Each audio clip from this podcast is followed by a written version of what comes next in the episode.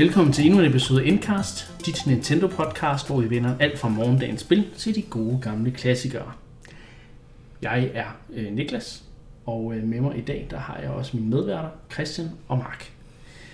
Øhm, og i denne episode, der skal vi snakke om øh, mest om den, den kommende måned, eller den måned, vi lige er gået ind i, som øh, ikke hedder september i, den her, i det her rum, det hedder faktisk Switch-temper, fordi der kommer sindssygt mange spil. Men inden vi går i gang med at snakke om alle de spil, der kommer i september, så skal vi snakke om spil, der lige præcis ikke noget at komme med i Switch Temper, men jeg synes stadigvæk, at spillet ligesom, det, det er det, der starter hele den her øh, måneds øh, sindssyge spiludgivelses himmeri. Øh, ja, okay, det var en, det var en, var en smør.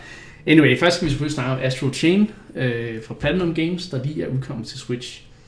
Øhm, og øh, jeg synes, øh, vi skal lægge ud med at sige, at det var et af de her spil, som var virkelig hyped, øh, også før i 3, men som, hvor i 3 ligesom sagde, nu, nu kommer det snart, og det gav udgivelsesdato og ting og sager. Øhm, og nu er det her altså. Og øh, jeg vil personligt sige, at det har overgået alle mine forventninger, men, men Mark, jeg ved, at du har spillet det. Ja, vi har jo begge to spillet det. Det har vi. Men jeg kan godt lægge Jeg ud. synes, du skal lægge ud, for Jeg synes- har jeg snakket nok. Ja, jeg synes, der er mange interessante facetter ved Astro Chain, og som du nævner, den første interessante ting er jo, at for 8 måneder siden, eller noget, der ligner, der kendte vi ikke til spillet. Nej. Det er et spil, der bliver annonceret i år, Ja, og udkommer, ja, i år. altså, ja, nu lige udkommet, ikke? Men, men sådan noget 7-8 måneder senere. Ja. Øh, og det er jo oven i købet, hvor at vi venter på et andet Platinum Games spil, Bayonetta 3, ja, true. som har været annonceret for lang tid siden, men som vi stadig ikke har set. Ja. Hvor at de så alligevel går ud og, øh, og, og lægger det her ind i mellemtiden. Og der tænkte jeg jo, øh, nå, altså interessant, kan vide, hvordan udviklingsforløbet har været omkring det. Kan vide, om Astro Chain bare ikke er særlig omfangsrigt. Altså er det bare sådan en lille aperitif, har man næsten lyst til at sige, indtil Bayonetta 3 kommer. Men der må man jo bare sige, nu vi sidder med spillet, at det er overhovedet ikke tilfældet. Altså, det er jo uh, the full meal, ikke? Det er det, og det, Det- er jo en helt anden en helt anden type actionspil, end Bayonetta egentlig er, synes jeg. Øh, Det har mange flere elementer fra andre genrer. Øh, Der er noget øh, detektivspil over det, der er noget øh, en lille smule RPG også, øh, og så videre. Så jeg synes faktisk, det, øh, det overrasker mig på rigtig mange punkter, især, især den der detektivdel, mm. som jeg slet ikke havde tænkt ville være noget særligt. Det det er jo sikkert bare et, et, en præmis mm. for selve øh, historien og så videre, men, men det du rent faktisk går rundt og finder de her, øh, hvad hedder det, du, du går faktisk rundt og finder spor. Jamen, skal vi lige sætte scenen, ikke? Ja, Fordi man er, altså spillet uh, Astro Chain, det er et fremtidsspil, et sci-fi spil. Øh, cyberpunk med klare cyberpunk øh, relationer. I 2050 eller sådan Ja, et eller andet ude i fremtiden. Øh, og, øhm, Nej, den er og ved- hovedpersonen er jo så øh, to øh, politibetjente. Ja. Øh, og, og denne her verden, den er begyndt at blive, den her fremtidsverden er begyndt at blive invaderet af sådan nogle mystiske væsener. Og man ser i åbningssekvensen, at også øh, politiet eller the good guys har kendskab til de her væsener ja. og bruger dem rent faktisk i deres sådan elite politistyrke. Øh, de hedder legions. Ja. Og den her elite politistyrke, de kan så ligesom fange sådan en legion, som de så kan bruge til at kæmpe med. Men nogle af de her legions, det er sådan nogle, øh, hvad kan man sige, vilde væsener på en eller anden måde. En Så form for spøgelse. faktisk. ja, i virkeligheden. Fordi det, det er ikke alle mennesker, der kan se dem Nej. og sådan nogle ting. Og det er, der, de har nogle super øh, sådan overnaturlige evner ja. Ja. og ting og sager. Ikke? Men de, øh, de angriber så også øh, den her fremtidsverden, og ja. der er det så politiets opgave, den her elitestyrke, at gå ind og, og slå igen. Ja. Og der er det så, øh, og det er så her, de to hovedpersoner kommer ind i billedet. Øh, et søskende par, Ja, øh, som er nye, øh, nyansatte i den her elitestyrke. Ja. Og, øh, og der, som du siger, Niklas, der består gameplay-loopet, hvis man skal sige det sådan, det er brudt ned i missioner. Ja. Og hver mission har typisk først en bid med noget øh, politiarbejde, så ja, man kommer der, ud der er sket noget, og det skal man så ligesom stykke sammen. Hvad er det, der Ja, er? Der er man kommer ud til et eller andet gernings- gerningssted, Ja, og så skal man så samle øh, spor. Ja. Og det minder meget om, øh, hvis man har spillet de øh, Batman-spillene, Ja. Arkham-spillene har, har det her også. Der er i virkeligheden mange spil i dag, Ja. der, der har elementer af det her. Øhm, men så skal man rende rundt, og det er jo virkelig sådan et puzzleagtigt. Man skal udspørge nogle, nogle øh, vidner, og man skal Ja. ja. Lede efter spor på Men det jorden. er sjovt, og så der er også en, nærmest noget exploration gameplay i det. Altså, mm. Du, du, der er ting, der er st- nærmest Altså, der, der er faktisk elementer af Metroidvania også, fordi der er nogle steder, du, du ikke kan komme hen lige øh, til at starte med, du sådan unlock nogle evner, før du kan komme mm. derhen og så videre. Det gør så også, at det er en god idé at genspille nogle af missionerne. Ja. Men, men det er sjovt, at de ligesom har puzzle-elementer og de, de her exploration-ting, som, mm. som der faktisk giver et ret interessant, ret sjovt uh, gameplay loop, inden du rent faktisk kommer i kamp mod noget. Ja, og det er jo så bare en del af, ja. af de her missioner, som ja. spillet er brudt ned i, ikke? Fordi så kommer vi så typisk over i, at så finder man så det, der har lavet ballade, som så er de ja. her væsener fra den anden Chimeras. dimension. Chimeras. Og så går det ellers amok, typisk Platinum-stil med et kampsystem, der er så hæsblæsende, at det halve kunne, kunne tage bussen ja. for en. Ikke? Det er godt nok øh, øh komplekst, synes jeg. Øh. Ja, det er jo lidt sjovt, fordi i starten, jeg kan huske, jeg sad og spillede de første missioner, og det er måske også faktisk, det er faktisk en respons, jeg lidt har læst derude. De første to missioner, øh, der kan du ikke så meget. Øh, du de her nye rekrutter, du, du har ikke så mange øh, kan man sige, angreb til rådighed, så mange våben, og du har heller ikke fået din Legion endnu, din egen Legion. Så øh, kampsystemet er faktisk relativt simpelt de første to baner. Og det kunne jeg forstå derude, øh, læse på reaktionerne, der er nogen, der er lidt forvirret over, og tror måske, der ikke er mere end det her. Men det må vi jo bare afvise ja. og sige, der er meget mere. Det og det begynder virkelig fra øh, bane 3 og så frem efter, hvor det bare altså ruller ja. lag på lag på lag ud i kampsystemet. Det det. Med at du får de her legions, du får forskellige af dem, de kan opgraderes, de her skill trees, ja. dine egne våben kan opgraderes, du får forskellige typer. Der er ingen grænser, og det Altså, og du bruger endda også legions til, at, til traversal og også til at løse nogle af de her ja. øh, gåde, fordi nogle af sporene er jo af overnaturlige karakterer, og det kan du ikke selv rigtig opfange, så derfor så bruger du din legion til at ja. finde ud af, øh, har der været en chimera her eller ej. Så, så jeg, synes, øh, jeg synes, det er gennemført, det her system, at du, du er en, en politibetjent, som har den her overnaturlige ven, eller hvad vi skal kalde den. Ja, ikke rigtig en ven, men en, en en hjælper, som der kan, der kan mm. hjælpe dig med at, at klare ja, og du får forskellige af dem, som jo er ret, også markant forskellige ja. i den måde, de fungerer på, uden at vi siger for meget. Så, ja. øh, så det er bare at blive ved, og så, øh, så, så viser det. Altså, det er jo sådan, Platinum, de, de er også lidt kluntet på nogle måder, ikke? fordi jeg synes, introen er meget lang. Jeg synes ja. også, at selve missionerne kan godt virke meget lange. Der er noget med pacingen, der måske ikke er helt i skabet. Men, men, men når det så virkelig gælder, så, så leverer de altså varen ja. på sædvanligt øh, tronhøje niveau. En ting, jeg rigtig godt kan lide ved det i forhold til Bayonetta, det er øh, for en som mig, der med de her kampspil på en eller anden måde har det lidt ambivalent, hvor at, at på den ene side så elsker jeg det der hæsblæsende kampsystem, hvor man skal trykke rigtigt inden for splitsekunder for at besejre fjenderne. Men på den anden side så gider jeg ikke det her med at skulle lære 500 moves udenad. Altså det, det, det plejer jeg ikke at give. Og det har du ikke her på samme måde i Astral Chain, som du har i Bayonetta. Du har nogle øh, meget definerede øh, moves, ja. du kan, og de er forholdsvis nemme at udføre, men, men det, den kompleksiteten opstår ligesom i og gør det på det rigtige tidspunkt, ja. Og over for de rigtige fjender. Ja. Vælg det rigtige våben, vælg den rigtige legion, når de her fjender de kommer efter dig i et, ja. i et rask tempo. Ikke? Fordi at, at de har det også, fjenderne er også rigtig gode til ligesom at øhm, vise, hvad for et angreb de skal til, at ja. telegrafere, hvad for et angreb de skal til at bruge og så videre. Ikke? Så, så jeg synes, øhm, jeg, altså jeg bliver bare mere og mere overrasket at spille, jo længere jeg kommer ind i det. Ja, ja. og det er, altså, det er, det er meget vellykket, det synes jeg. Ja. Og grafikken er også super fed, øh, ja, den er stemningsmæssigt. det, er, det er sådan anime-grafik, men den har alligevel nogle steder, hvor den, den, den har sine egne unikke, øh, ja. kan man sige. Altså den er jo klart inspireret af de store anime ja. sci-fi værker, ikke? Så ja. Akira, Ghost in the Shell, Appleseed, nogle af de der, ja. ligner den jo utrolig meget. Helt klart. Øh, så er man til det, jamen så, øh, så, så vil det være øh, et, et home run. Den er ikke så meget som den, kan man sige, den vestlige forståelse af cyberpunk med Neuromancer og så videre. Ja. Der er den klart mere til den japanske side. Øh, og så er det jo bare, altså igen typisk Platinum, det er jo bare over the top og skørt. Altså, så nogle gange, at jeg sidder og, og, og rynker lidt på øjenbrynene og, og krummer ja. tæerne lidt, fordi altså, det er ikke altid, at dialogen er lige godt Nej. skrevet, for at sige det midt. Og øh, historien, ah, ja, der, det er vist der også er nogle rigtig gode øh, hvad hedder det, til, til de helt store anime. Altså for eksempel, øh, jeg, jeg har lige siddet og set Evangelion på Netflix. Ja, den. Og der er rigtig mange ting, hvor de ligesom laver nogle, nogle throwbacks til dem. Og det, det synes jeg jo, jeg er jo kæmpe anime-fan. Øh, så, så det er jo bare... Det, jeg får ligesom et ekstra lag på det, kan man sige. Ja. Og så er der det her med, at så mellem missionerne, så er man på det her hovedkvarter, og der kan man lave alt muligt, altså man går på toilettet, og man får sådan en, man får sådan en guided tur af øh, kontorets office manager, der for some reason er klædt ud som en øh, pudelhund. Det er maskotten. Ja, det er maskotten. Og øhm, altså, så, Lappy hedder den. Ja, ja, så får man udleveret sådan et kamera, og så får man at vide sådan helt nærmest stalker-style. Du skal gå rundt og tage billeder af alle dine ansatte på kontoret, for, for at lære dem at kende. Og det er sådan, okay, jeg tænker, hvis jeg gjorde det på min arbejdsplads, så vil jeg sende direkte til, Ja, det må jeg sige. direkte til chefens kontor. Ikke? Men det er det, jeg mener med, at der har det bare de her mærkelige mechanics, altså, som, som er sådan lidt, lidt, lidt, lidt, ja, meget mærkeligt japansk, men på en eller anden måde også lidt hyggeligt og morsomt, Ja. ja. at man så skal bruge tid på det. Øhm, ja, så øh, altså, jeg vil sige, jeg vil våge den påstand, faktisk et af Platinums bedste spil til dato. Ja. Ja. Bum, bum. Det vil jeg sige.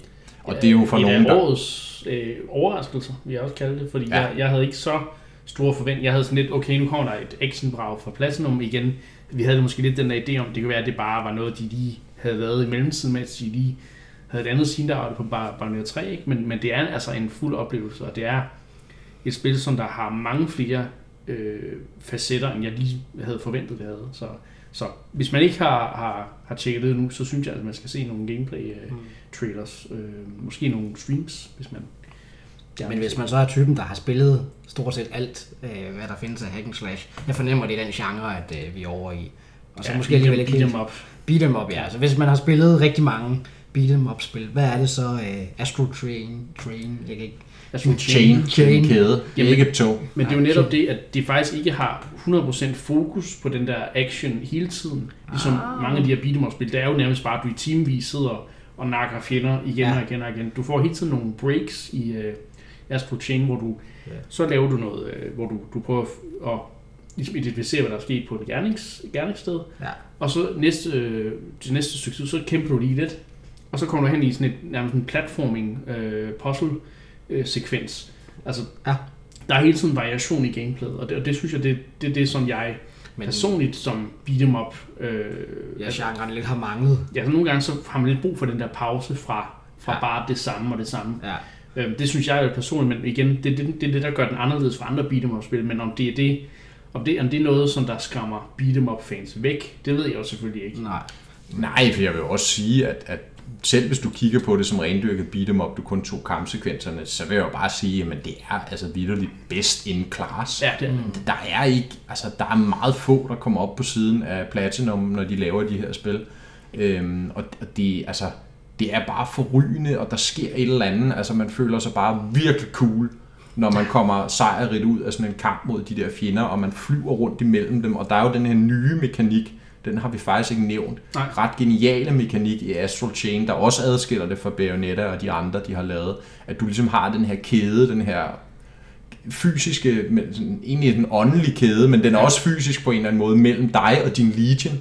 Og du kan styre begge personer uafhængigt af hinanden. Så du kan stå og tæske på fjenden, mens du sender din, din legion ud og tæsker. Men det du så også kan gøre, det er, hvis du så lige lader den løbe i en cirkel rundt om fjenden med den her kæde, der bliver trukket efter den, mm. så kan du rent faktisk låse fjenderne fast. Så bliver de ligesom bundet fast af den her kæde, og så har du så en ekstra mulighed for at stå og tæske på dem. Og det føles bare enormt godt, når man eksekverer de der ting. Du kan også øh, spænde i- ben under under og sende den tilbage. og Ja, ja, så hvis der er en, du ser en fjende, der, der skal til at charge efter dig, ikke, som, som Niklas siger, så sender du lige din legion ud, så I laver sådan nærmest sådan en, en trampolin eller en katapult den anden Ja. ja. vej, ikke, og smækker den op i væggen. Det var, det var de der lag i kampsystemet. Præcis, snakkede præcis. om, Der hele tiden, øh, der ligesom øh, viser sig. Fordi det er øh, ikke som man sådan komboer, man laver i det spil, ligesom du gør i mange andre spil. Det er, Nej. det, er, det, det, er, det er det, du kæder dine moves sammen. Og du ligesom kan gøre det frit. Øh, og, Kæder. ja, præcis. Astral Chain. Ja. Så, så helt klart, hvis man ikke har tjekket det spil, så synes jeg øh, 100% man skal få det på sine radar, fordi der er noget for, altså der, er- der er også noget for dem, der, der synes beat'em up spil er lidt monotone, Mm. øh, så, hvor det kun er det samme gameplay. Altså her der er der noget variation. Altså, jeg er allerede øh, lidt mere interesseret i spillet. Ja. Øh, og det, øh, jeg har fået at vide... Der er øh, puzzle-elementer, Christian. Jamen, det var jo det. Øh, allerede der, var, Ja. der gik jeg jo straks i... Ah, så der er vist ikke en Nintendo 64 release dog, men Nej, desværre. den fik vist også sit for, hvis den skulle Det, køre. øh, Mark, den joke er lige så gammel som en Nintendo 64 efterhånden. Nå, jeg troede, du skulle sige, at den var lige så gammel som mig, men gudskelov, der gik du ikke hen. Ja, det, åh, det kunne jeg også have sagt, ja. Men øhm, jeg synes, øh, ja, jeg synes, vi har solgt øh, Astro Chain rigtig godt her, mm. og øh, nu skal vi snakke om et, eller det er nok mest Mark, der skal snakke om øh, et Nå. andet spil, Åh, der er kommet. Ja. Det blev Shadow Droppet, tror jeg nok, under sidste, øh, det var den der Indie World. Indie World Directing, ja. Øhm, og det er altså Hotline Miami Collection, der er tale om her. Ja. Og det er jo, den serie er jo en af dine absolutte favoritter. Ja, det er jo mit yndlings... Jeg ved godt, det er mit yndlingsudtryk i det her program. En af mine absolut favoritter, men jeg mener det virkelig i Hotline Miami sammenhæng. Øh, til dem af jer derude, der ikke kender det endnu. Det er jo efterhånden, har det en del år på banen.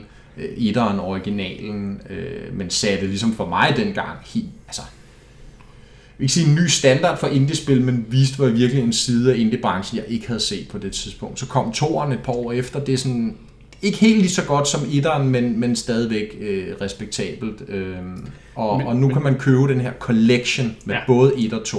Fortæl, på hvad, Switch. hvad, hvad er det Hotline Miami? Men, men Hotline Miami, ja. Hotline Miami handler i al sin enkelhed om, at du er en person. Du kender ikke rigtig identiteten på personen, eller det skal du i hvert fald først finde ud af.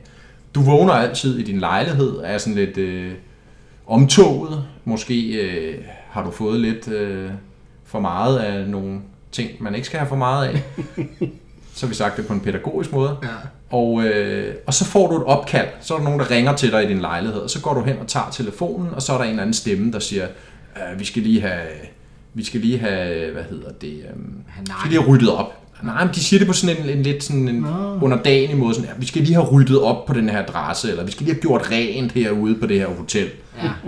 Og så, okay, så får man det der opkald, så render man ned i en bil, der står udenfor, og så kører man hen til den der adresse, og så skal der ellers bare ryddes op. Som i, at alt skal dræbes. ja.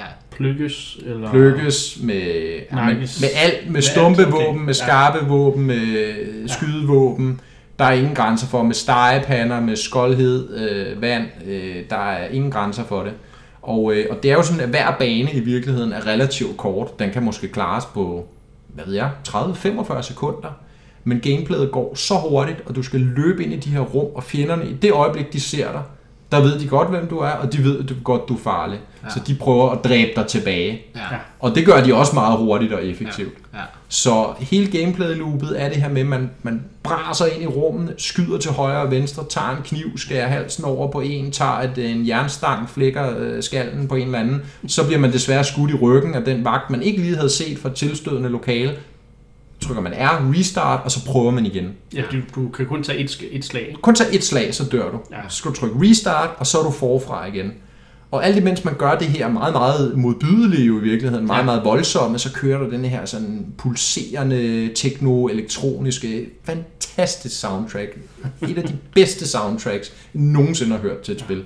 Kører bare og virkelig sætter dig i den der stemning, som om du, du nærmest er, ja, jeg vil sige, høj på stoffer, og du skal ind og lave den her modbydelige opgave, Ja. men den er nødvendig måske, hvem ved. Det finder man ud af som historien, den ligesom øh, ruller afsted. Og den er også rigtig spændende. Den er sådan ja. lidt David Lynch, den er sådan meget mystisk. Oh. Ja, det, der er virke, det er virkelig gode sager. Øh, og så er jo hele igen, altså æstetikken sat i øh, 70'ernes Miami og 80'ernes Miami.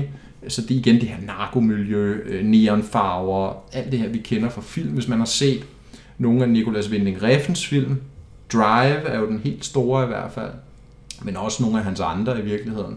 Det er det helt klart, at udviklerne af Hotline Miami har været inspireret af den. Jeg mener faktisk, de takker Nicolas Winding Refn i creditsene, så vidt jeg Okay. husker. Wow, okay. Så der er en helt klar inspiration til også det univers, som han laver nogle af sine film i.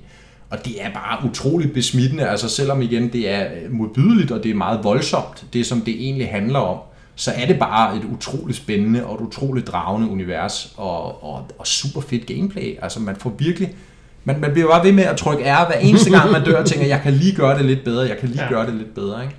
Og så til sidst, når den sidder der i skabet, og man bare drøner igennem banen, og alt ligger der bare dødt efter de der 45 sekunder, og man står med hænderne smurt ind i blod. Jeg lyder som den største voldpsykopat. Ja. Anyhow, det er man i hvert fald i spillet.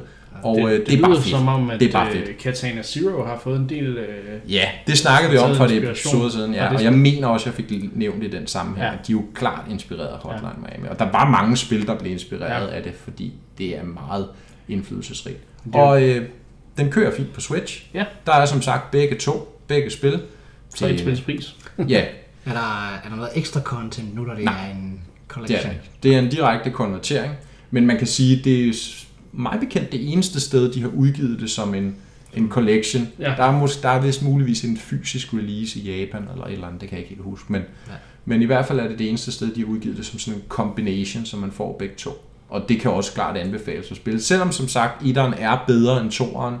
Ja. øh, det kan vi snakke om en anden gang, hvorfor, men, men så skal man klart spille begge to, om ikke andet for ligesom at forstå den der meget kringlede øh, historie. Vi kan vente til, at den næste Nintendo-konsol kommer, så bliver Switchen jo i princippet retro, så kan det komme i retro-segmentet.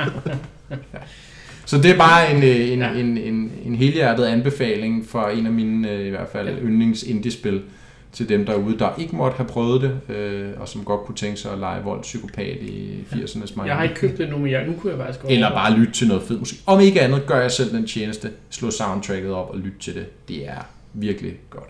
Det er noteret hermed. Og med den kommentar, så synes jeg faktisk, at vi skal i gang med hovedtemaet i, i denne episode. Jeg troede, det var Hotline Miami, der Ja, var det, hovedtemaet. desværre. Men ja. øh, det er altså... Den her episode hedder Switch Temper Ja. af en grund jo. Og det er jo netop, at alle de her... Altså, vi, vi troede jo i foråret, der, der har vi haft nogle episoder, hvor vi har snakket om, hvad, hvad sker der? Hvor er alle spillene? Og, og det er jo mega tørt øh, forår, fordi de gemmer det hele til efteråret. Og ja, det var det sgu, fordi til Switch i september, der kommer der sindssygt mange spil, og vi skal, vi skal lige gå lidt i dybden med nogle af dem. Jamen, der er så mange, at man kan umuligt huske det. Ja, basically. Så derfor så skal vi have listen fra. Så, øhm, men inden da, så vil jeg gerne lige øh, minde om, at du lytter til Endcast, som er dit Nintendo-podcast, hvor vi vender alt fra morgendagens spil til de gode gamle klassikere. Og med det, så skal vi i gang med at snakke om et forholdsvis nyt spil, der er lige blevet annonceret. Øhm, er lige, eller ikke et nyt spil, men det er et spil, der lige har fået en udgivelsesdato. Det er Untitled Goose Game, som udkommer den 20. september. ja, Og det er jo et spil, som øh, jeg tror, at det fra sidste år, det blev annonceret. ja. Det er et spil, jeg synes, der ser ret interessant ud, og jeg ved ikke, hvor meget spil der er over det, men Ja, og det er, det er sådan et af de der... Det er jo, øh, det er jo noget af det, jeg synes, indie-spil kan. Det er at lave noget, hvor man bare sidder og tænker, hvad sker der her? Og det kan være, at man lige skal, til dem, der ikke ved, hvad du, øh, Goose Game, hvad, hvad det er. du får lov at spille som en gås, deraf goose i, i navnet. Præcis. Og øh, hvis du øh, nogensinde har sådan tænkt, hold kæft, hvor kunne det være fedt at være en kæmpe røvhul som gås, så er Untitled Goose Game the game for dig. For det, jeg skal jo så lige sige faktisk, jeg har jo meget dårlig erfaring med, med, med gaser. Guess. Gæs. Gæs. Gæs. Men en, jeg tror, en handgås hedder en gase, ikke? Ja. Ja, sådan noget stil. Anyway, jeg har, øh, jeg har, jeg har trau, traumatiske barneminder. Om Oh, jeg er ja. blevet jagtet ned af, øh, på, lej, på Lejre øh, Umiddelaldercenter. Jeg er blevet jagtet ned af en vej af en, en eller anden gås, der bare ser sig sur på mig. Ja. Så jeg, øh, jeg har sådan et eller andet med, måske skal jeg spille det her spil for at overkomme mit traume. Det er faktisk et gyserspil, kunne Ja, man næsten lidt. sige for dig. Ja. Fordi det er sådan lidt... Jeg ved, hvor, hvor, hvor, hvor slemme de kan være. Men, det er, men præcis som Ja. du beskriver det, så handler det nemlig om, at du får lov at spille som en gås, og så vidt jeg har forstået, så handler det om, at øh, det virker som om, der er nogle ting, du kan gøre. Der er, en, der er en have, du skal ind i, og, Ja. og øh, så er der en, hvad, hvad hedder det, en havelåge. Den kan du ikke åbne, men der er en gartner, der går rundt, og så er det noget med, at så kan du gå hen og tage gartnerens hat, og så bliver han sur og løber efter dig, og kan så måske tabe nogle nøgler, og så kan du bruge dem til at åbne ind til, til haven og så videre. Så der er sådan noget, ja, måske lidt puzzle, Ja, lidt... Øh, det er, lidt u- 100, det er ikke sådan 100% klart, hvad det er, man skal i det her spil, men, men som du siger, det kan være, det er lidt en puzzle at komme ind til den der... Ja, og jeg, og jeg oplever lidt, at det, det var sådan et spil, der startede som, øh, som lidt en joke. Jeg tror, det blev lavet på et game jam. Det mener og, jeg også. Og så, øh, og så har det bare fået så, øh, hvad hedder det, så meget popularitet på, på Twitter, at det blev til, til en reel ting. Ja. Øh, og nu, øh, nu får vi også en Switch release. Og det hedder stadig bare Untitled Goose Game. Det er ikke skiftet navn. Nej, jamen det er et perfekt navn til, til noget, der er så skørt. Ja. Så øhm, ja. Jeg tror faktisk, der var en, en diskussion på Twitter faktisk om, om Ja. de skulle skifte navn. Nå, Øh, og jeg mener, de kom frem til, at det gav ikke mening at skifte navn, fordi nu kender det alle. alle men det som- skulle da næsten bare hedde Titled Goose Game i stedet for, tænker jeg. Men i hvert fald, øhm, det kommer den 20. september, og øh, jeg har været sådan... Jeg, jeg har set frem til det, men ikke fordi jeg sådan tænker, åh, det skal jeg bare spille. Mm. Men, men fordi jeg, sådan, jeg, jeg glæder mig til at se reaktionerne på, ja. Når spillet udkommer. Ja. Men det kunne måske være et spil, jeg skulle tage op på Twitch, når det udkommer. Det en, er... øh, en sådan streaming øh, Ja, streaming-ting, fordi øh, jeg ved i hvert fald, hvordan det er at have en god Især, efter sig. især, hvis, især hvis du laver et eller andet funky hver, hver gang, at øh, du bliver skræmt af en ghost. Det kunne være meget sjovt. Ja, det ved jeg sgu ikke lige, om jeg gør. Det, hold, det, det lærer dig om, det der med at, at være meget øhm, Kropslig. kropslig, når man er bange. Ja. Brug armene på det rigtige tidspunkt. Er det, er det det, du refererer til? Det ved jeg ikke, øh, om jeg vil sige der, men øh, i hvert fald, det kommer den det, 20. det, lød, september. det lød meget forkert, kan jeg godt. Undskyld, ikke den 20. september, den 20. Switch-temper. Kommer der ikke noget inden det? Jo, der kommer Ah, nå. masser af ting inden det, men det var bare lige sådan et af de første spil, jeg lige ville snakke om. Mm. Der kommer altså også et mobilspil fra Nintendo, hvis vi lige skal hoppe væk fra Switchen et kort øjeblik. Mario øh, Kart Tour kommer. Ja. Øhm, den 25. september. Ja. Og det det har vi jo så- snakket om lidt det har- tidligere, ikke? Det bliver spændende at Det- se. ja. Det er jo deres allerstørste franchise, de ruller ud på Ja. mobil nu. Men det bliver jo ikke større end Mario Kart. Det gør det ikke. Øhm, Ah, Mario var vel teknisk set deres største, og det lavede de Mario Run. men hvis du kigger Nej, på Mario Kart er større. Der er ikke noget at argumentere. Mario Mario, Kart Kart er større, det sælger bedre end... Sindssygt godt. En Mario? Nå? Ja, det sælger bedre end Mario. Okay. Så, så Mario Kart er for mig at se Nintendos allerstørste franchise. okay. Du, du, du får det ikke større, hvis du kigger alene på salgsvolumen i hvert fald. Ja.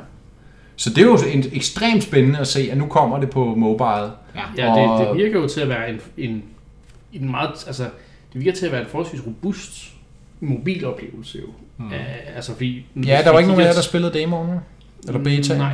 Nej. Altså, jeg har spillet, øh, det for at sammenligne, så har jeg jo spillet øh, Dr. Mario øh, World, tror jeg det hedder. Det der kom. Ja, til- det var rimelig skralt. det var rimelig skræt, ja. Og det, det var sådan, det var ikke engang det oprindelige Mario, altså Dr. Mario gameplay som sådan, det var sådan en sådan nedvandet udgave. Ja. Men, men Mario Kart virker mere til at være, altså Mario Kart Tour, virker mere til at være ligesom Super Mario Run, altså det virker, det lægger sig lidt mere op af det, i forhold til gameplay, og det er lidt mere en, En Mario Kart oplevelse. en afrundet gameplay-oplevelse på Ja. mobil. Ja. Så jeg er spændt Men det er jo at spændende også, fordi der har været den her virak omkring betalingsmodellen, og ja. øh, man skulle ligesom unlock de her extra characters og betale for det, og sådan, så det, ja, det, det skal blive meget spændende at se. Vi må jo tage det op igen her, når det er launchet, vi har Det spillet det. og se, hvordan det sammenlignes med, Ja. ja. med typiske Mario Kart-udgivelser. Præcis. Men der er meget på spil her, det er helt sikkert. Det er der. Men øhm, lad os lige vende lidt tilbage til, hvad der egentlig sker her i september. Fordi der kommer jo en masse, øh, eller ikke en masse, der kommer nogle flere indie-spil. For eksempel kommer der Creature in the Well, som blev blev annonceret til Switch tilbage i foråret. Der kommer også øh, et spil, der hedder Blasphemous, som er sådan en eller anden form for Dark Souls møder Castlevania. Ja, det ser meget spændende ud. Øhm, og så kommer der også et gammelt indie-spil, der bliver genudgivet, øh, som vi nok øh, kommer til at snakke mere om, når det er udkommet. Men, men lad os lige nævne det, og det er Castle Crashers, som jo er et spil, som der blev udgivet på en Xbox 360 i sin tid. Ja, det var jo en af dem, der var med til at starte hele indie-revolutionen. Ja. Ja, så det er helt tilbage i 8, 8 stykker. Ja. 2008, ja. Og det er sjovt at se, at det nu kommer til Switch også. Altså, det, alt, det, den Mm. der idé om, at alt kommer til Switch, det, det passer bare. Ja. Ja, i hvert fald på indie-fronten stadigvæk, kan man helt sige. Ikke? Jo. Øhm, så det er sådan, der kommer mange af de her mindre, hvad kan man sige, øh, indie-spil, men, men det som der også gør den her måned så sindssyg, er jo også, at der kommer så mange øh, store spil til Switch.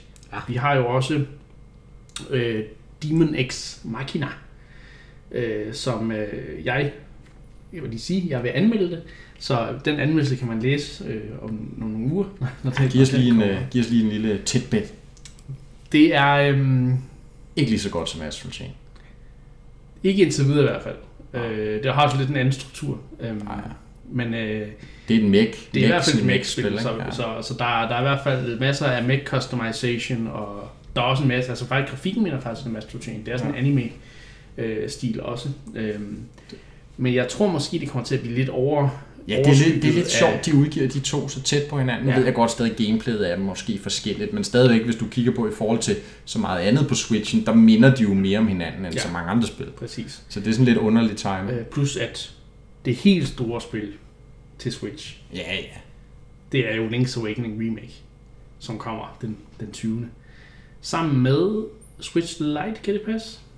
Ja. Øh, så det er jo sådan set en Switch Lite launch. spil, kan man, kan man nærmest sige. Ja. Øhm, det, det er jo så det spil, der kommer til at overskygge alt andet, kan man sige. Men, ja. men igen, at, hvordan er hype-barometeret på, på Link's Awakening Remake? Jeg ved jo, Christian, du har spillet øh, de gamle spil. Ja, ja, øh, Du har, du har lidt travlt. det har jeg. Er du kommet videre siden sidst? Nej, jeg har ikke fået taget Nå, mig sammen til for at spille. søren. Ja, så det er lidt skidt. Øh, men, men jeg er blevet hype på at købe, øh, hvad hedder det, køb, køb den nye. Det skal jo lige siges, at dengang at jeg så traileren, der var jeg sådan, ej, det er fandme billigt, køb den Nintendo, bare genudgive et gammelt spil. Den, den, den holdning har ændret sig drastisk. Da du indså, at de basically har lavet spillet helt om fra bunden. Ja, med ny øh, Crane Physics. Det Nye Crane Physics, ja. Ja. Den kommer til at stå på bagsiden som sådan en lille bullet point Præcis, ja. på æsken. Det er, New Crane Physics. det er meget vigtigt, ja. Ja. Ka- kamera, kameraet er jo nærmest fuldstændig anderledes. Det er jo ikke de her små scener længere, du går rundt i. Det er jo, det er jo kameraet følger der jo seamlessly imellem. Åh oh, ja, det gør ja, også, at Det, det gør en stor ting ved, at du, du Ja. har et meget større helhedsbillede af, hvad der sker rundt om dig i verden. Ja, og jeg vil nok også være med til at gøre øh, øen meget mere øh, hvad hedder det, livlig. Det er jo det. Men jeg vil da sige, at det får stærk konkurrence af et andet stort spil, der kommer i slutningen af måneden. Ikke? Tænker du på Dragon Quest 11? Yes, det gør Oh, jeg. nej, nej, undskyld. Okay. Dragon Quest 11S. Definitive Edition? Nej. Øh, jo, måske. Shadows of an Illusion. Nej, ikke Shadow. Et eller Nej. andet of an illu- Echoes. Echoes of an Elusive Age Definitive Edition. Definitive Edition S. Nå, nej, S har jeg Jeg sagt. kan vide, om der kun bare er det på coveret og ikke andet. Jeg tror, Kun der er titlen. noget- Der er ikke plads til mere. Ja. Jeg tror, der er noget i baggrunden, men du kan ikke rigtig Ja. se andet for titlen. Men anyhow, Dragon Quest er jo kæmpestort, ikke? Men igen, I Japan. vi snakker, ja, i Japan. Øh, så, så jeg tror ikke, jeg tror i Japan kommer de to spil til at, Og battle at ret battle, godt. men i, i US og EU, Men det er interessant, det jeg synes, der er interessant at se, det er, hvor meget Nintendo pusher Dragon Quest Ja. i EU og, og US, altså i Vesten denne her gang. Det er virkelig som om med Switch, fordi der har jo været Dragon Quest på 3DS og andet før DS, Ja. men det er virkelig som om denne her gang, de pusher denne her. og det er Nintendo, der pusher. Ja, det, er det. Ja, de er officielle udgivere på det, er jeg ret sikker ja, på. det tror jeg Og de pusher virkelig den her release. De har jo selvfølgelig Hero med i Smash, så Ja. de prøver virkelig nu at se, om de kan få det til at eksplodere. Helt klart. Helt klart. Og det skulle være et ret godt spil. Altså, Det har jeg dem, også der hørt. har spillet... Øh, Altså, hvis man er til JRPG, så skulle det være op i den, i den helt store, altså i den Mm. helt høje Hele ene. ja, Ja. ja. af kvalitet. Så, så jeg, jeg tror, for dem, der er til det, øh, bliver det fedt. Jeg har aldrig rigtig selv kunne... Altså igen, jeg, som jeg har sagt flere gange, øh, så er jeg meget mere til Final Fantasy. Ja. I øvrigt er Final Fantasy 8 Remastered. Øh, på det, på, på, på det, som det her afsnit kom ud, der er det lige kommet for nogle dage siden. Det er også i Switch Så det er også, altså, og Hvad er det for noget? Det, det går fuldstændig uh, amok med, med de her spil. Um, så, så jeg har sådan lidt, skulle, skulle de egentlig ikke have, have gemt nogle spil til oktober, i stedet for at bare smide det hele i september, fordi min pengepunkt, øh, jeg, jeg har blevet nødt til at købe to Switch vouchers, for at få råd til både Astro Chain og, øh, hvad hedder det, Link's Awakening Remake. Og så skal jeg have alle de der indie-spil også. Øh, altså, jeg skal nok have Goose, Untitled Goose Game. Jeg skal nok have Creature in the World. Måske. Nu synes jeg at alligevel gameplayet virker til at være lidt for svært.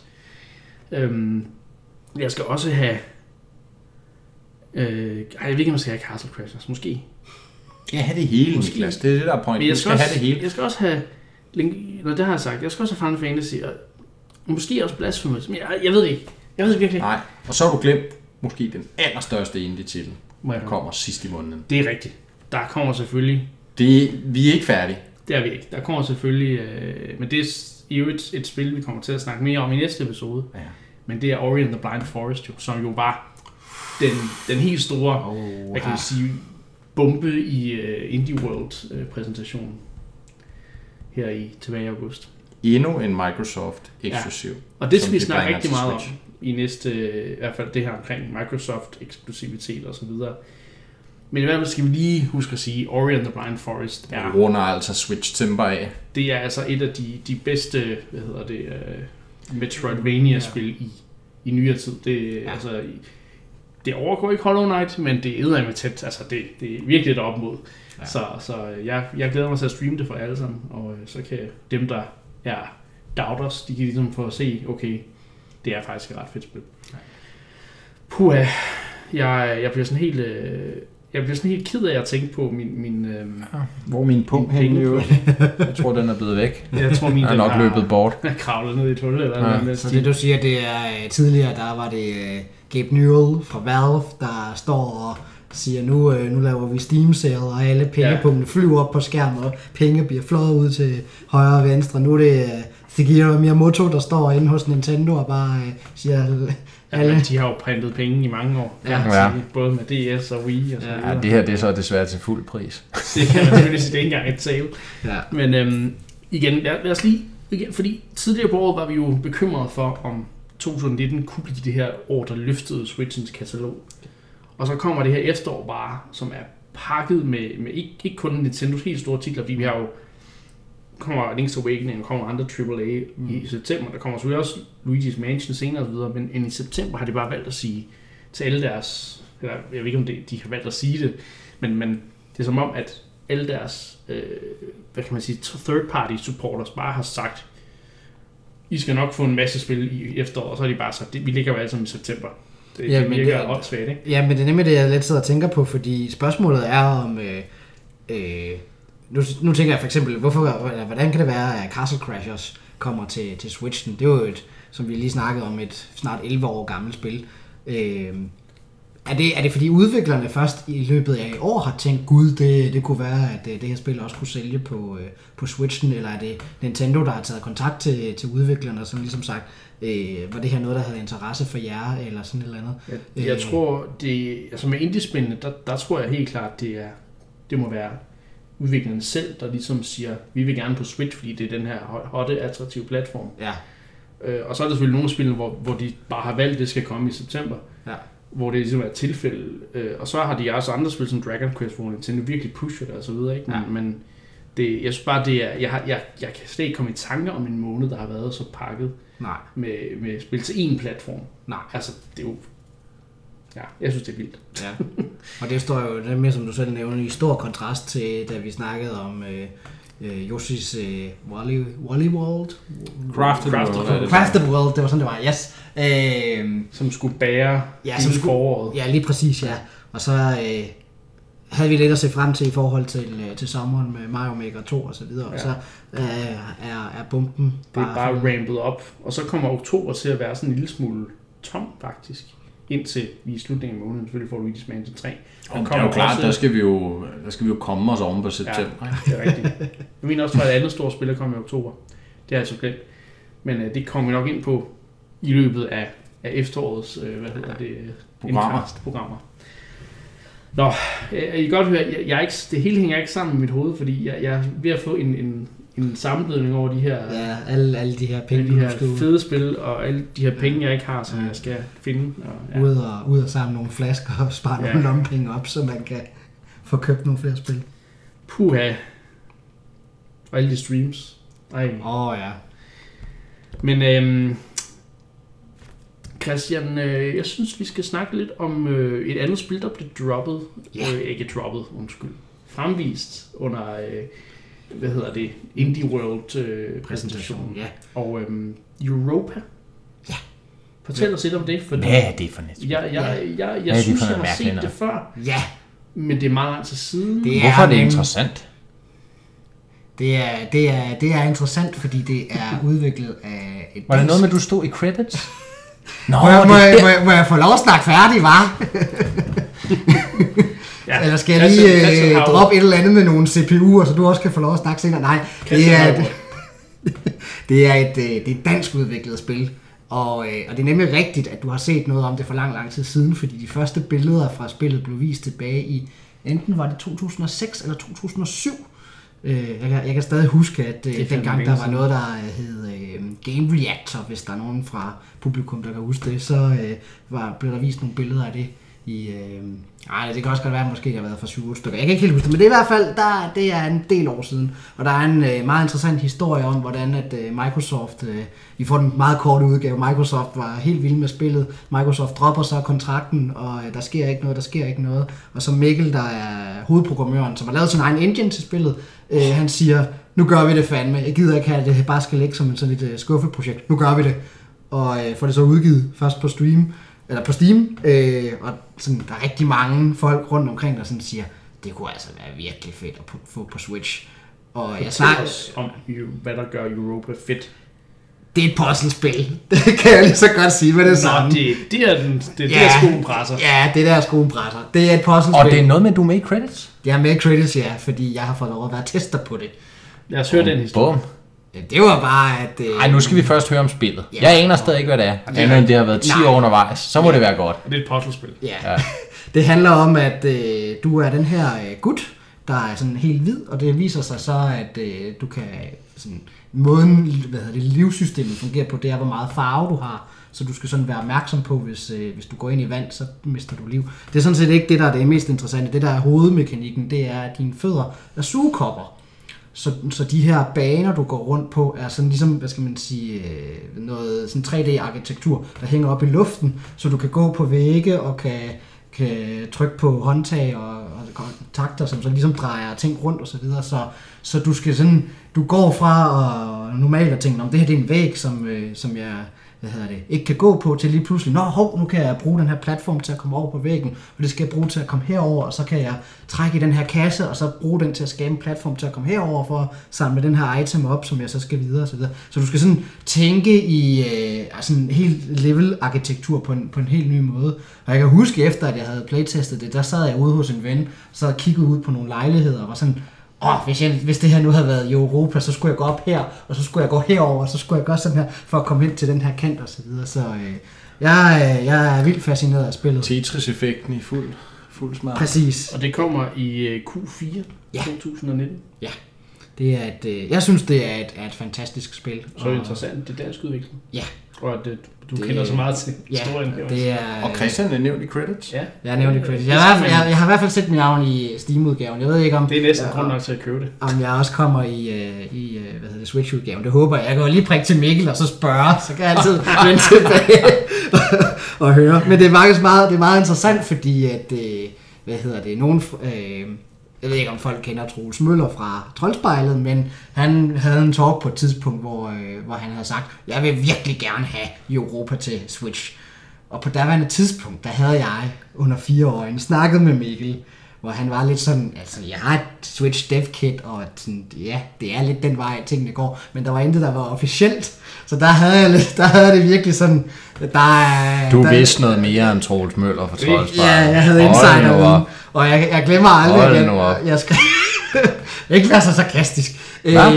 hvad hedder det? Så skrev jeg, øh, jeg kan nemlig huske, at jeg skrev til, til Mikkel på, på Twitter, og var sådan, hey, øh, Troels Møller har sagt, at han kunne virkelig godt tænke sig spillet på, på Switch, og Mikkel reagerede bare med en øh, omvendt smiley, og, og det var det. så, øh, så der havde jeg lige sådan et, I, I know stuff. Ja, okay. Så øh, det var som sådan ikke en overraskelse, men alligevel så lidt en overraskelse at se, at, øh, at traileren blev spillet. Ja. Øh, at, at, hvad hedder det, at det fik fuld opmærksomhed. Der var jo også det her øh, sådan segment senere hen, hvor de sådan mere rapid fire. Jeg har et forslag Ja. til alle indkast-lyttere derude. Åh oh, nej. Når Europa nogle gange udkommer, og I får købt det og spillet det igennem, vil I så ikke være søde og sende os et screenshots af credits, når Christians navn toner frem på skærmen? Det kunne være så fedt. Det kunne være pissefedt. Det kunne det simpelthen. Og så se screenshots for alle sammen. Ja. Jeg ved, det vil gøre en person herovre på den anden side af bordet rigtig glad. Ja. Ja, I skal jo ikke, I skal ikke købe det på grund af Jeg er stadig ikke helt sikker på, hvad det går ud på, men det lyder lidt spændende. Du nævner, at det først kom, blev annonceret tilbage i nullerne. Og Ja. øhm, det er jo, øh, nu skal vi over til vores. Oh. retrosegment. Men, re, retrosegment. Ja. Og jeg ved, at du rigtig gerne vil øh, starte segmentet den her gang. Ja, fordi at øh, hvis man var gamer tilbage i nullerne, så, øh, så har man nok hørt om det her sådan lille spil, der hedder Guitar Hero, øh, som handlede om, at man skulle spille, øh, hvad hedder det, spille rockmusik på, øh, hvad hedder det, på øh, plastikgitar, og det blev et verdensomspændende fænomen, og alle spillede, spillede Guitar Hero. Men før at det var en ting, før at man stod med plastikgitar, der sad man, hvis man ellers var en Nintendo-fan, så sad man med små Det var Plast- kun, hvis man var en Nintendo-fan. Ja. Jamen før, før, før det, så sad man med to plastik øh, bongotrummer og spillede Donkey Konga. Donkey Konga. Præcis. Og jeg tror faktisk, det første nummer, når du går ind i menuen for at vælge, hvad for en sang er September med... øh, Switch temper. ja, Ja, det burde de så lave nu. men ja. Men øh, ja, så hvis man Earth, ikke... Wind and Fire. Ja, hvis man ikke ved, hvad, øh, hvad Donkey Konga er, så er det, det er et rytmespil, og det der ligesom var hele, øh, hvad skal man sige, ikke gimmicken, men det der var hele, hvad skal man sige, salgs, øh, hvad hedder det, omdrejningspunktet for det her spil, det var, at du fik, når du købte spillet, så fik du sådan, øh, en, øh, sådan to, øh, hvad hedder det, bongotrummer som, øh, som controller, som, øh, som bestod af, at du havde to bongotrummer, og så var der en mikrofon inde i midten, som så kunne registrere, når man klappede, og så var det så ellers forholdsvis simpelt rytmespil, så du kunne slå på, hvad er det, på venstre og på højre og på begge to og kunne klappe. Og så kunne du så ellers, Ligesom Donkey Kong. ligesom Donkey Kong, ja. Og, Det hedder øh, Donkey Konga af en grund. Præcis, ja, og det var så med, med Donkey Kong som, Ja. ja. som figur. Og så kunne du så ellers øh, hvad hedder det, køre dig ud af med, til, øh, hvad hedder det, til forskellige øh, hvad hedder det, popsange og rocksange, der, der var populære på, på den tid, blandt andet september. Øh, Ja, og, og det var sjovt, at det var ikke, det var ikke engang de officielle versioner. Det var Nej. sådan re... Altså, jeg husker tracklisten som værende helt forfærdelig. Altså, og det er en af grundene til, tror jeg også, kan man roligt sige, at Donkey Kong ikke blev nær samme succes som Ja. Guitar Hero. Hvad pokker skete der for setlisten? Ej, der var der altså, nogle fede... Ej, men okay, det er Problemet interessant. er også, at jeg blander både Donkey Kong 1 og 2 tracklister sammen. Ja. I til sammen var der faktisk nogle ret fede sange, men Men det er rigtigt nok, det var lidt en, en plørevending, fordi det, det, det strakte sig både over klassisk musik og popsange og rocksange og, og, øh, og klassisk, ja, klassisk musik tror jeg også, jeg fik nævnt, ja. Øh, så så der, det var en ret stor plørevælling, og øh, jeg husker også, jeg tror vi har snakket om det på et tidspunkt, hvor øh, det der også var en interessant me- mekanik, det var, at de havde tilføjet, at man kunne have forskellige lydeffekter ind i spillet, så når man trykkede på knapperne, så var der forskellige lydeffekter. Og der kunne man blandt andet også få næslyde, sådan lydeffekter fra det var næsten. forfærdeligt at spille med den der næstlyd. Jeg havde, når folk satte det til, Ja. fordi det, det, det forstyrrede det instrumentale i sangen. Præcis, ja. ja. Men det er, bare, det er bare det der, jeg mener med, at altså, jeg, synes- altså, det der for altid for mig har gjort rytmespil geniale, det er jo den indlevelsesevne, det har. Ja. Og det med, når du står og jammer i Guitar Hero, altså føler du dig som Jimi Hendrix eller Slash, eller hvem pokker det måtte være. Ja. Og så har jeg det sådan lidt, når jeg sidder og spiller Donkey Konga og trommer til et eller andet Mozart-stykke, der er skrevet for flere hundrede år siden, som hvor trommer i øvrigt ikke ikke engang måske indgår i den der, så er det sådan lidt, jeg kan jo ikke le- leve mig ind i det, altså. Og det synes jeg er den helt store svaghed med Donkey Konga i forhold til ja, Guitar Betyder det så, at du næsten ikke har spillet Donkey Kong, eller hvad? For jeg har fandme spillet meget Donkey Konga. Mm. Jeg har faktisk næsten ikke spillet Donkey Kong. Ej, Jeg har det ikke engang i samlingen. Uh, ja. Det er jeg så lidt ærgerlig over. Ja, det Men kan jeg godt forstå. jeg kan bare huske alle de gange, jeg har prøvet det, jeg har tænkt, "Øh, Nå. Altså, der kom jo, der kom jo to spil Ja. ja. til uh, det Donkey Kong, Donkey Kong Jamen. til, hvad hedder det, uh, Til til GameCube. Gamecube. Og så kom der også et tredje spil. Men kun i Japan. Nej, Jo, kun Donkey. Kong Jungle Beat. Nå, men der kommer også Donkey Kong 3. det hedder bare Donkey Kong Jungle Beat. Nå ja, det er rigtigt. Jamen, det, Men du bruger også bongotrummer. ja, det, det, er, det er ikke Donkey Kong, altså, det, var, det var Donkey Kong ja, spin-off, vil jeg kalde det. Donkey Kong Jung- Jungle Beat. Jeg vil stadig kalde det som en del af Donkey Konga-serien. Men øhm, Jamen, der kommer også en træer. Ja, kun i Japan, så den er vi ikke interesseret Nå, i. okay, godt så. Det var... Og så er der også racerspillet, hvor du også skal bruge trommerne. What? De bruger, de bruger Racerspillet. Ja, så hvis der hvis det blev cancelled. Jungle Blast eller sådan noget. Nej, det findes. Det er Jungle udkommet. Blast. Nå, jeg kan godt huske. Ja. Så hvor du skal tromme for at, at, at øge hastigheden på de der små... øh, Det er jo sådan en kart racer i virkeligheden, hvor det så er... Forfærdeligt. Jeg tror ikke, det er særlig godt, men det har jeg været lidt intrigued på. Jungle Beat, det er fantastisk, men... Ja. Nå, men nu, nu... Donkey Konga. Ja, Ja, altså... det er noget, vi også meget spillet til de her live events. Ja. Altså, jeg, øh, jeg, jeg, jeg, jeg kan godt lide det, fordi jeg synes, det er indbegrebet af det der, sådan, når Nintendo bliver rigtig, rigtig crazy. Men jeg kan også godt se argumentet om, at, at jamen, der, hvor det bliver interessant, det er jo den der indlevelsesevne. Men jeg tænker måske, at det kan være, at, øh, hvad hedder det, at Nintendo har, Nintendo har jo igen været lidt first mover med det her med, at du, vi laver controlleren om til et musikinstrument, og så har de jo så tænkt, hvordan kan vi gøre noget, så det bliver sådan forholdsvis nemt for, for folk. Øh, jeg kan også godt se, at det der med en, øh, med en bongotrum, at det, er sådan, det, er ikke det, det er ikke det mest sexede øh, hvad hedder det, instrument. Der er, en, der er en guitar lidt mere sexet, fordi alle, ja. i alle rockbandsene, der er det jo ofte guitaristen eller bassisten, der Valget står. stod jo mellem, skal vi lave et trommespil med Donkey Kong, eller skal vi lave et spil, hvor du spiller Ocarina som Ja, Link? ja, Ja. Den bliver så svær at have en plastik Ocarina, og hvordan fanden skal du så spille på den, ikke? Altså, ja. Så, øh, så jeg tror, jeg tror så, de valgte det rigtige univers at lave et rytmespil i. Ja, det kan du have ret i. Og jeg kan, jeg, har, jeg kan huske, at jeg spillede den der forfærdelige udgave af Bohemian Rhapsody øh, af Queen, som... Øh, og det, jeg tror faktisk, mange af, af mine venner dengang, de kendte ikke sangen, fordi de havde aldrig hørt Queen før. Men da Donkey Konga kom, så fik de sådan udvidet deres musik Ja. øh, horisont. Det var det var ja, ja. og, og, og, så de havde alle de her sange, det var September og øh, Bohemian Rhapsody, og, og jeg tror der også var nogle, en Britney Spears sang eller noget stil. Det er toren. Og det er så toren. Men i hvert fald, igen, jeg blander, igen, som jeg sagde, jeg blander dem sammen. Fordi Ja. ja. vi spillede, vi skiftede bare med etteren og toren, fordi vi skulle bare have det hele. Altså, vi skulle spille alle sammen. Men det jeg også synes, der var meget interessant, det var, at der var nogle små minispil. Og jeg kan nemlig huske, jeg tror det første... Det spillede jeg slet ikke. Jeg tror til det første, hvad hedder det, øh, sådan LAN, LAN arrangement, som du var med til at arrangere, sådan way, Ja. way, way back, det der hed Come and Play, Ja, det er rigtigt. hvilket godt kunne, øh, en titel, der godt kunne misforstås. Men øh, der husker jeg, der var der en, der hed, øh, en, der hed Simon, som, øh, som var ret god til Donkey Konga, som havde fået det.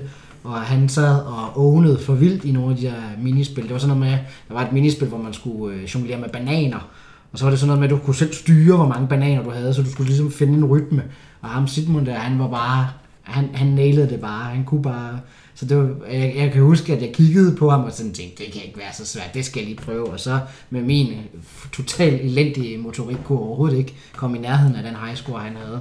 Øh, så, så jeg har, øh, hvad hedder det, jeg synes det er fantastisk. Jeg har også, hvad hedder det, begge Donkey Konga spil, og hvad hedder det, har også Jungle Beat, og jeg har øh, trommer til hver af dem og så videre, så, øh, så I ringer bare, hvis vi skal, hvis vi skal jam. Mit problem med, øh, hvad hedder det, ikke kun klassisk instrumentspil generelt, men mest Donkey Kong, det er, jeg fik altid så sindssygt ondt i hænderne af at spille det spil. Ja, Fordi der var ikke nogen, der kunne lade være med at sidde og hamre ned i de her trommer og bare klappe, øh, så det kunne høres fra alle, hvad hedder det, i hele rummet -agtigt. Men Ja.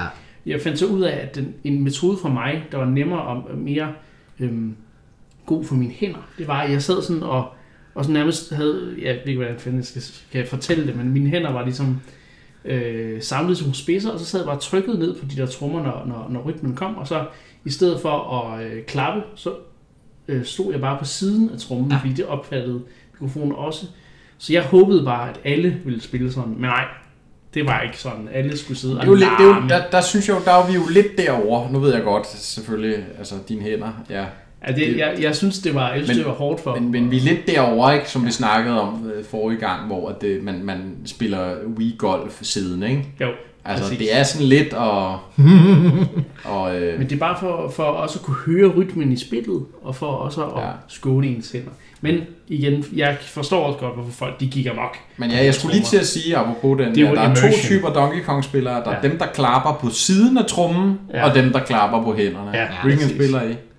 Jeg ved, at, Du er så på øh, siden af Jeg er trommen, på siden af trommen, og jeg ved, at Christian, han, er, han klapper For real. for real. Og det kan man se til en Into Night, øh, på en Into Night spil, Ja, ja, ja. hvis det er. Nå, fordi øh, når jeg, når jeg spiller for mig selv, så plejer jeg også at være klap på siden, fordi det er, det er hurtigere. Men, øh, men der, er, der er noget sjovere i at klappe rigtigt. Nå, okay. Øh, der er faktisk der, der er også øh, hvad hedder det øh, en hvad hedder det, game mechanic, det er, at nogle gange så kommer der også, sådan, der er nogle gange, så skal du kun trykke oh, en ja. enkelt gang, andre gange, så skal du trykke sådan flere gange sammen, ja. og så gælder det bare om at trykke så mange gange.